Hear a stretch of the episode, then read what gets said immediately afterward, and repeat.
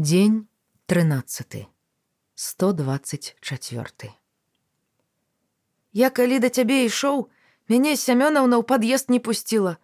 Сказала: ты тут не жывеш, дык ідзі прэч, прыгадаў Ян. Я думаў, яна старая ведьма, а яна столькі пачастункаў учора прынесла, а ў яе ж толькі пенсія. Можа, ёй дапамога трэба. Тэлевізор ёй настроіць трэба. Антэна спадарожнікавая ёсць, а настройкі збіліся. Справішся? Там нескладана. Выбіраеш пошук каналаў, а тады трэба падпісаць і захаваць. Паспрабую.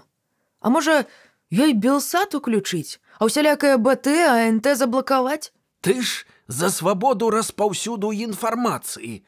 Хіба не? прыўзняў брыво дзед. Там не інфармацыя, а прапаганда, прычым варожая. Як жа ж, як жа ж. Штирліц, вядома, круты выведнік, а Джон Кайф мярзотны шпіён. А насамрэч, абое рабое. Гэта ўсё, пане партызане, залежыць ад пункту погляду. Зрэшты, кожнае тэлебачанне гэта прапаганда. Дзеля таго і робіцца. А тэлевізію сямёнаўна любіць глядзець дзеля прагнозу надвор'я, бо там яе ўнук штовечар выступае. У госці да бабці не ходзіць, дык яна хоць так. Я да цябе таксама рэдка заходзіў, а цяпер буду. Пабачым. Па ўсім было відаць, што дзед не надта спадзяецца, што Ян стрымае слова. Думаеш, хлушу? Думаю, ці дажыву. З гэтым каранавірусам цяпер здаравей аднаму, чым гасцей прымаючы. Але што паробіш, трэба неяк жыць. А семёнаўна дзе жыве? Пад намі, на першым паверсе. Ідзі, а я ёй патэлефаную, каб дзверы адчыніла, бо не пускае нікога. Але сямёнаўна адчыніла. Завохкала, пацягнула яна ў кватэру, Седзячы з пультам на разгайданым зэдліку, ён жаваў пячэнне і слухаў пра ўнука сямёнаўны. І так хораша ён павядзе рукой, і аблокі паляцелі, атмасферны фронт, а тады ў іншы бок антицыклон. Прынясе кантынентальныя масы. Гэта значыць будзе мароз. А калі проста цыклон, дык адліга. Бывала, маразы трашчаць, а я яму пазваню: Ілюша, давай нам цыклон, бо яблыні памерзнуць. А ён смяецца, загуляў, маўляў цыклон. На тым тыдні будзе. Адні праз два гляджу яго, ён цыклон абяцае і хітра так мне падміргвае. А прыязджае? — спытаў Ян. І дзе там? — махнула рукой старая. Куды ж ён ад сваіх цыклонаў прыедзе? 800 кіламетраў. Дык ён у Маскве, здагадаўся Ян. Але дзіцятка ў Маскве, у нашай сталіцы, мяне кліча, а я не еду. Мне ўжо цяжка. А дзеці вашыя, ну бацькі ягоныя, таксама ў Маскве. Няма дзяцей. Разбіліся на машыне сын і нявестка, як з Масквы да мяне ехалі. Адзін Ілюшенька мой застаўся. Яны разам у адзіны момант. А ён не драпіначкі. Іванович мяне вазіў да іх. Дзве труны запаяныя пахавалі, Васеньку майго і наталачку ягоную. А Ілюшаньку не бралі з сабой, што яму маленькаму там рабіць. Я казала, каб да мяне яго прывезлі. А Іванович кажа, не трэба ў Маскве лячэнне добрае, школа хорошая. Так і застаўся там. Лісты мне слаў паштоўкі. А тады на тэлевізію сваю пайшоў. Цяпер я яго часта бачу з цыклонамі і гэнамі. Іванович Васю майго добра знаў. Той служыў яго пасля школы міліцыі. Наталка пашпартысткаю іх была. Вяселле гулялі ўсім рай аддзелам у рэстаран пайшлі ўсё як у людзей. Сямёнаўна прысела на край канапы і змоўкла, пазіраючы некуды ў вакно. Я адчуў, што думкамі яна далёка і стаў шукаць каналы. Уласна разумны прыбор настроіўся сам, Ян толькі падпісаў праграмы. Калі сабраўся сыходзіць, Сямёнаўна падхапілася, стала саваць яму пячэнне, дзякаваць, казала, каб прыходзіў. Ян падняўся ў дзедаву кватэру, павыгружаў з кішэняў пячэння. Настроіў? Настроіў. Гарбату будзеш? Не, не хачу. Дед, а хіба так бывае, каб бацькі ў машыне разбіліся, а дзіця выжыла. Бывае. Чаго толькі на свеце не бывае. Ты хіба пра суседчынага Ілюшу? Так, пра яго. Яна сказала, сын ейны ў цябе служыў. Служыў. Я яго пасля дзясятага класа ў школу міліцыі накіраваў. Пасля ён у нашым раусе служыў, участковым. Участак быў той, дзе зараз мемарыял. А тады папрасіўся ў Маскву. Ведама, Масква не гумовая, але перавёўся ў падмаскоўе, у зеленаград. Сямёнаўна тут засталася. А праз год Васіль узяў адпачынак, акурат на каляды. Ехаў і не справіўся. Выляцеў на сустрэчную і просто пад фуру. Машыну разразалі, каб целы дастаць. Яго жонку і немаўля трохмесячнае. А як жа Ілюша? Сямёнаўне баяліся казаць. Я сам пайшоў і наплёў, што дзіця выжыла, каб яна сэнсу жыцця не страціла. Маўляў, забралі яго ў шпіталь, каб усё з ім было ў парадку. А тады стаў казаць, што ён у сям'і, і тыя яму пра сямёнаўну раскажуць, калі трохі падрасце. А тады знайшоў у зеленаградзе дзіцячы дом, а там ілюшу. Падвучыў сямёнаўну унуку лісты пісаць і падарункі высылаць. Так і жылі яны. Ілюша думаў, што як вырасце, паедзе да бабкі ў Беларусь. І сямёнаўна тое самае думала. Чакала. А потым Я адчуў, як заныла ў жываце. Зноў гісторыя з нядобрым канцом. Я не мог ведаць, што ў яго лейкемія.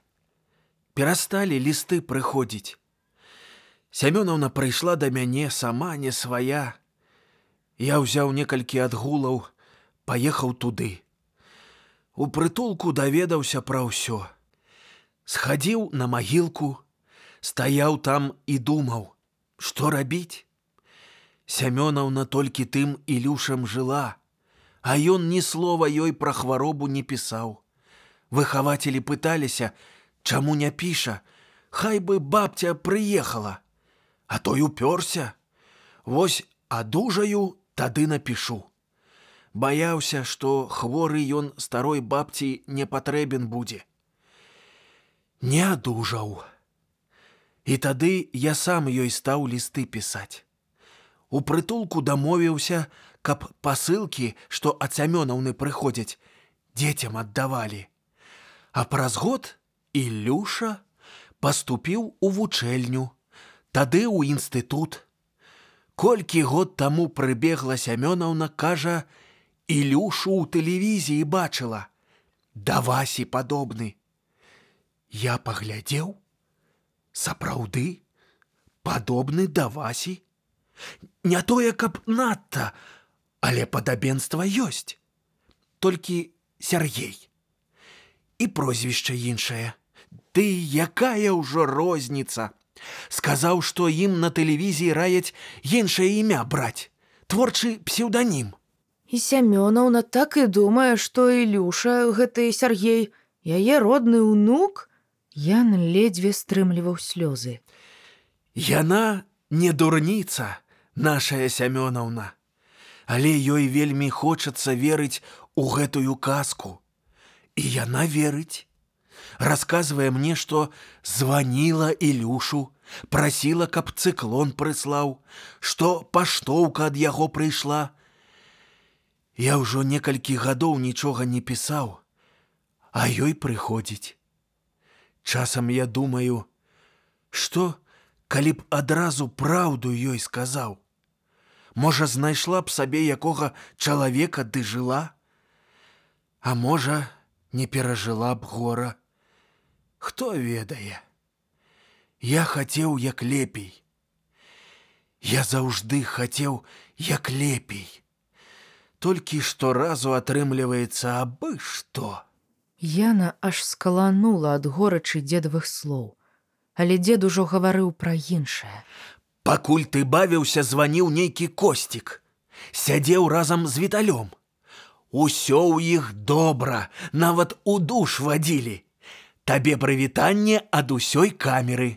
Бачылі ў газеце тваю фатаграфію з транспарантам.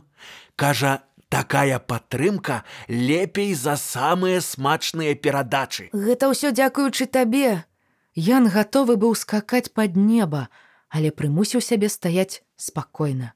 Каб ты не дазволіў, Падазраю, што іншым разам ты не пытаўся б. Хмыкнуў палкоўнік кілім.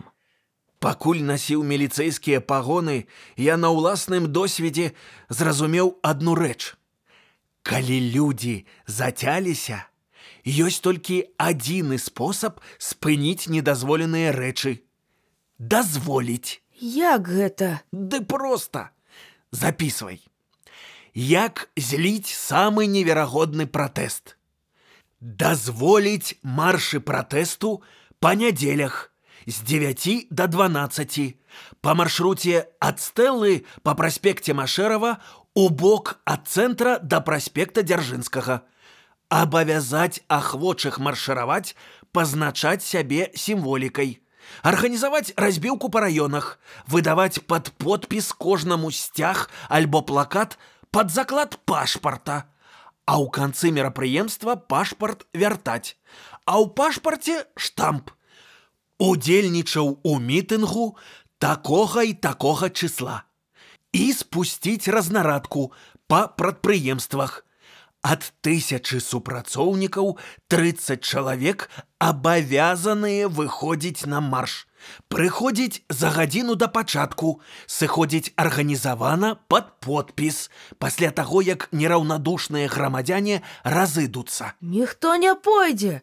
Ну, адзін раз можа сходзяць і ўсё.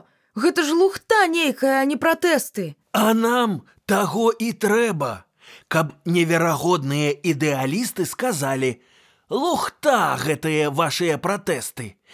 І вось ужо адны заклікаюць хадзіць на дазволены мітынг, бо гэта бяспечна. Іхныя сябры скажуць: « Вы робіце карцінку рэжыму, вы паслухмяная масоўка, здраднікі. Другія заклікаюць хадзіць іншымі дарогамі ў іншы час. Іхныя сябры скажуць: « Вы, здраднікі, вы падстаўляеце людзей пад дубінкі, вы замінаеце канструктыўнаму дыялогу ў грамадстве. Трэція плюнуць і пойдуць пісаць у інтэрнэт. Іхныя сябры скажуць: « Вы, здраднікі, канапавыя войскі. І праз два тыдні ў нас не неверагодныя беларусы, а краіна здраднікаў, з якой можна рабіць што заўгодна. Ты, ты, Ад абурэння Ян не мог падабраць слоў. гэта няпраўда. Я так не будзе. Цішэй, цішэй. Вядома, так не будзе. Схамянуўся дзед і прыгарнуў Яна да сябе. Так не будзе. Бо яны, хто супраць нас, недалёкія баязліўцы. А мы з табой, а мы ўсе разумныя і адказныя людзі. І хай нават гэтым разам у нас зноў нічога не атрымаецца, Атрымаецца, усхліпнуў Ян. у нас атрымаецца. Хай так і будзе. Пагадзіўся дзед. Але Ян адчуў. Дзед не верыць у народную перамогу. Як не верыць у тое, што Ілюша Сергей пашле сямёнаўне цыклон.